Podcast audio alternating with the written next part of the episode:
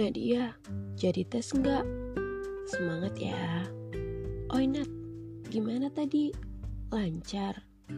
Eh gimana gimana? Ah, Nadia pasti bisa kan? Terus-terus tadi gimana ceritanya Nat? Ini aku udah doain semoga lancar loh. Nadia, Nadia, semangat!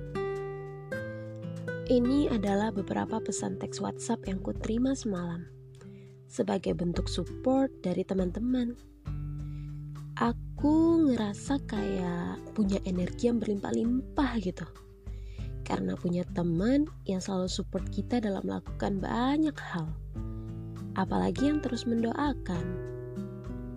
Aku gak pernah sih secara detail dan sangat detail cerita besok mau ngapain, lusa mau ngapain, ke depan juga mau ngapain.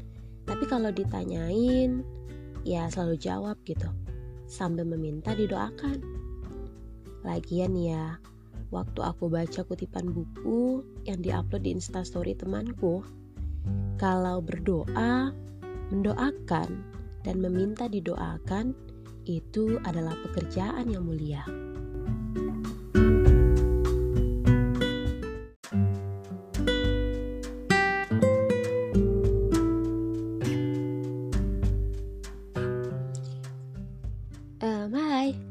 Selamat datang kembali di podcast pesan teman.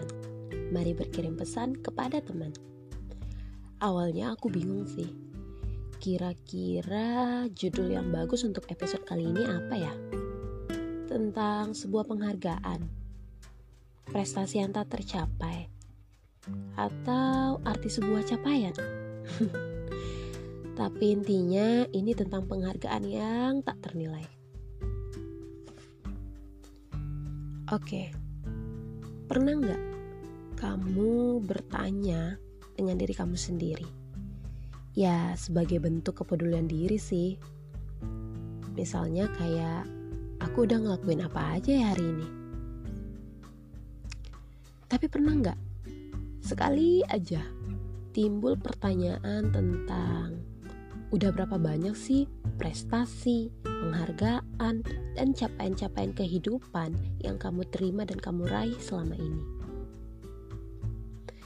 Pertanyaan ini biasanya muncul di saat kita berada di tengah orang-orang yang sedang giat-giatnya mengukir prestasi, atau yang menghasilkan suatu karya, atau juga sedang menghasilkan followers, materi, dari bakat dan kemampuan yang tentunya mereka punya. Selain itu, pertanyaan ini juga bisa muncul di kalangan anak-anak remaja, apalagi anak sekolahan dan mahasiswa yang lagi dalam masa persaingan ketat. Apalagi hal ini untuk menemukan skill dan menunjukkan kemampuan mereka. Lagi gencar-gencarnya tuh, ikut olimpiade, pentas seni, dan berbagai kompetisi lainnya. Bagi yang selalu mengukir prestasi, mungkin dengan lantangnya menjawab persoalan terkait. Eh, kemarin habis menang apa sih? Kok keren gitu? ya, semacam ada kebanggaan tersendirilah bagi mereka yang ditujukan pertanyaan seperti tadi. Kemudian, bagi yang selalu mengukir prestasi, bisa dengan senang hati berbagi kebahagiaan. Misalnya nih, eh teman-teman, besok aku ada seleksi puisi tingkat nasional. Didoain ya. Eh, bulan depan aku juga ada pertukaran pelajar ke Jepang. Bantu doain juga ya. Dan kita terus saja membahas hal-hal yang sama. Eh, si C itu kemarin habis menang lomba desain grafis loh. Hebat kan? Iya, si itu juga baru aja dapat penghargaan. Pemakalah terbaik. Keren gak tuh? Sementara kita sewaktu-waktu ngerasa gak ada pencapaiannya. Ya, rasanya tuh kayak hanya berada di gaya normal pada sumbu vertikal. Jadi punya keluhan tersendiri. Apa hanya aku yang gini-gini aja? Atau hanya aku yang gak punya penghargaan dan pencapaian di bidang apa pun? Pasti sering nih timbul pertanyaan seperti ini. merasa kalau kita itu nggak bakat nulis-nulis, kadang speaking nggak oke, okay, nggak handal mengaplikasikan komputer, nggak pinter-pinter amat dalam akademis, apalagi yang berhubungan dengan seni. Hmm, dalam dunia ini emang sih banyak banget tipe manusia. Ada yang gak peduli sama hal-hal begini. Ya, semacam gak peduli sih dengan capaian orang lain. Tapi ada juga yang punya rasa iri. Iri ini juga terbagi ke dalam dua jenis.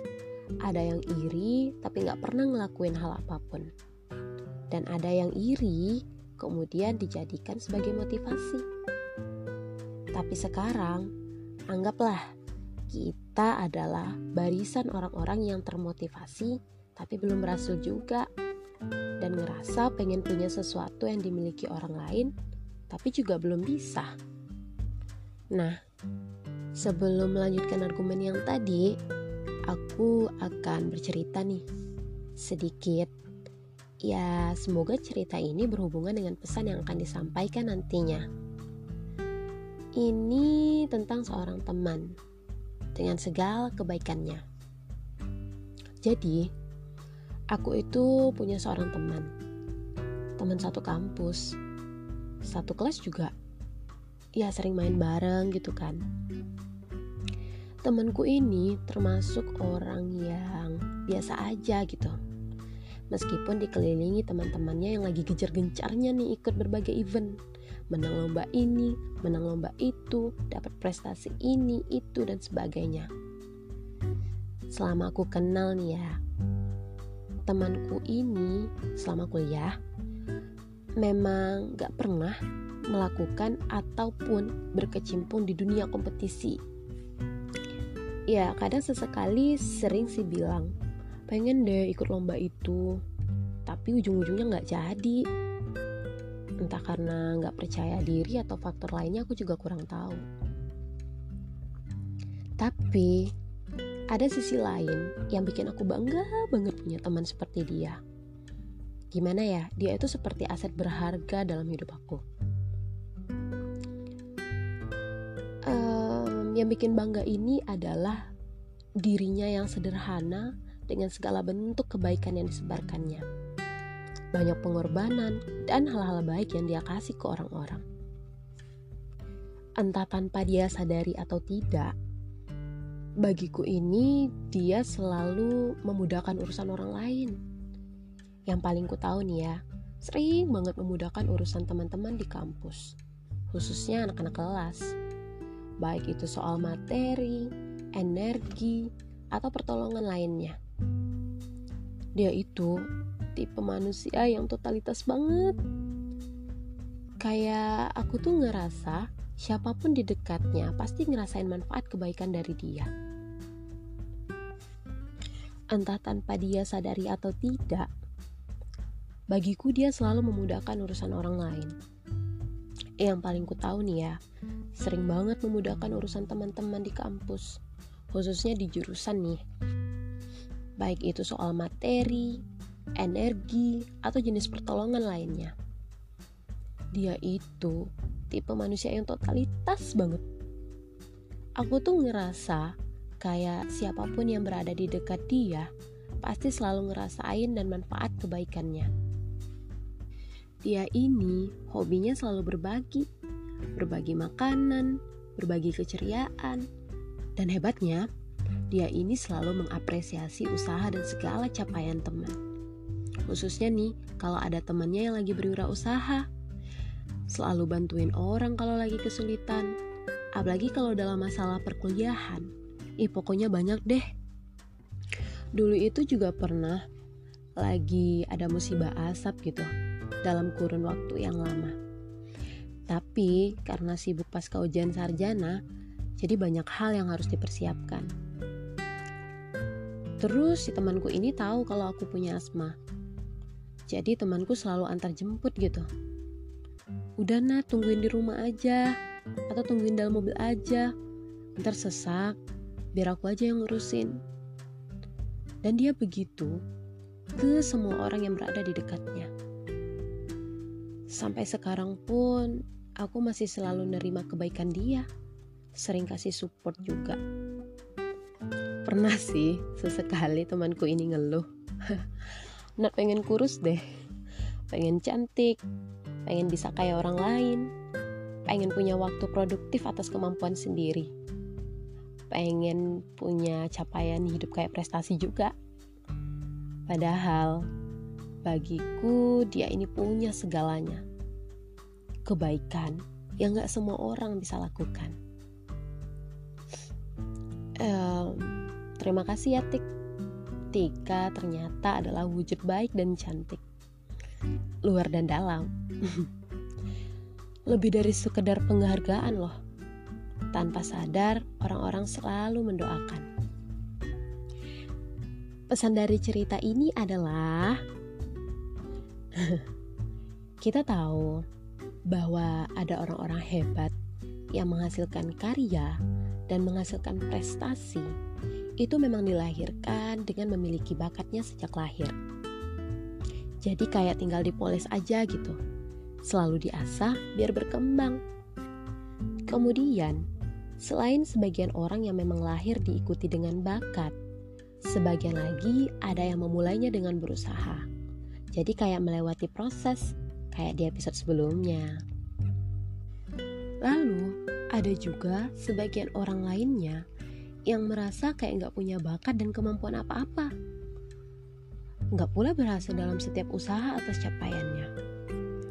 Kayak udah mencoba banyak hal kan, tapi belum juga menuai hasilnya. udah, berhenti deh menganggap kalau kita itu nggak ada apa-apanya dibanding orang-orang. Beneran, ini bukan salah kita, karena kita nggak punya hak untuk terus menyalahkan ketidakmampuan kita. Jika terus begitu, ini akan terdengar seperti you kill yourself. Tapi dalam konteks kalau kita udah berjuang ya.